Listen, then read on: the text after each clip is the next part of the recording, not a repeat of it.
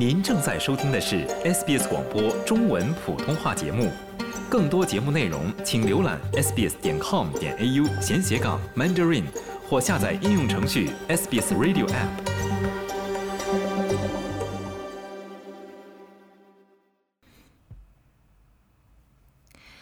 加沙达成停火协议的希望再次破灭。以色列一直在争取哈马斯释放剩余的一百三十二名以色列人质。一月二十二日周一，有报道称，以色列政府向哈马斯提出停火两个月，以交换以色列的剩余人质，这让人们重新燃起希望。但经过几小时的谈判交锋，以色列政府发言人利维表示，以色列政府无法同意哈马斯提出的条件。他说。战争内阁在十月七日大屠杀后制定并下达给以色列国防军的战争目标将保持不变，即摧毁哈马斯在加沙地带的执政和军事能力，并送回所有人质。让人质留在加沙，让哈马斯掌权的停火协议是不可能实现的。在这点上，我们不会做任何妥协。几周来。卡塔尔和埃及的调停人一直在努力弥合各方之间的分歧，以达成一项协议。美国官员科比说：“美国也在协助解救人质的谈判。”科比说：“美国总统拜登的顾问麦格克目前正在中东地区的埃及和卡塔尔，这里是他关注的重点。”他说：“我再次重申，我不想超前预测我们当前的处境。”或者给你提供一个我无法提供是否以及何时能够达成的结论。但我们的对话非常冷静认真。我们正致力于达成一项人质协议，但是我们绝对支持人道主义停火，比我们能促成的一周时间更长的人道主义停火。我们绝对绝对会的。由于以色列总理内塔尼亚胡在公众看来是未能确保人质获释，这使得他的支持率急剧下降。他形容以色列经历了战争中最艰难的日子之一。周一，内塔尼亚胡悼念了牺牲在战争中的士兵，他们被称为“我们最优秀的二十四名儿子”，这其中包括在加沙中部一次爆炸中丧生的二十一名以色列国防预备兵。这是自十月七日以来以色列士兵死亡人数最多的一天。周二，以色列人对这些士兵的牺牲表达了悲伤。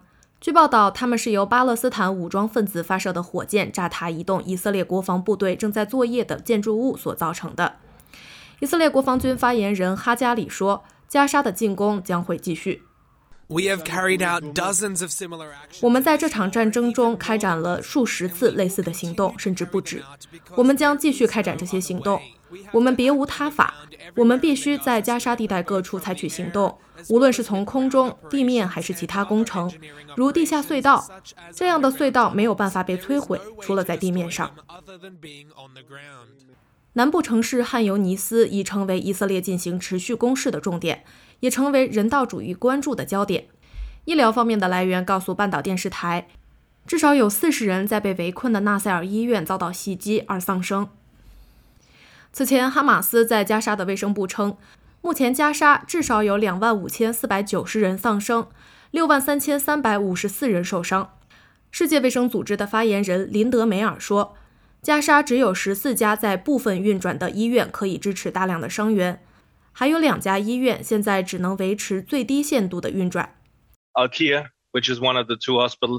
阿尔卡医院是现在遭受袭击的两家医院之一。我们没有具体的最新情况。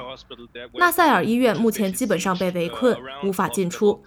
我知道当地的情况一定很糟糕，人们无法预知在接下来的几分钟里会发生什么。联合国安理会就最近冲突升级问题召开紧急会议。以色列和巴勒斯坦特使在会上发生冲突，加沙严峻的人道主义局势成为会议的主要议题。疲惫不堪的联合国秘书长古特雷斯再次呼吁立即释放加沙的所有人质，并立即实现人道主义停火。他还警告说，以色列拒绝这一两国解决方案会威胁全球和平。以色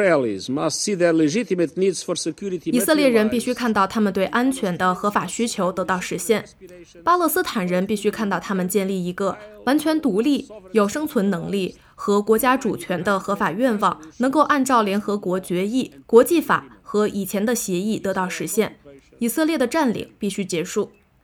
古特雷斯在谴责伊朗支持的也门胡塞叛军对红海航道的袭击时，谈到了对地区局势升级的担忧。他说：“这种担忧正在成为现实。”他呼吁美国和英国缓和局势，因为英国发表声明称，包括美国和澳大利亚等在支援角色中的二十四个国家，在星期一对也门胡塞武装控制区域的八个目标进行了进一步的军事打击。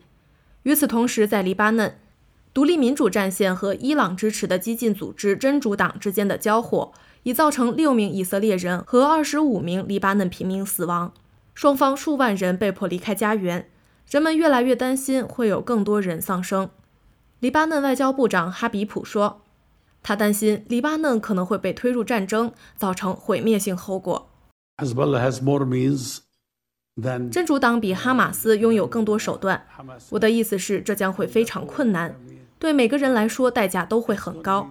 当然，以色列拥有空军，他们也可以控制空中和陆地。但总的来说，这对每个人都会造成损害。我认为以色列人知道这一点。我认为他们不会这么做，他们不会发动进攻。想听到更多这样的故事吗？您可以通过苹果播客、谷歌播客、Spotify，或者您喜爱的方式下载收听。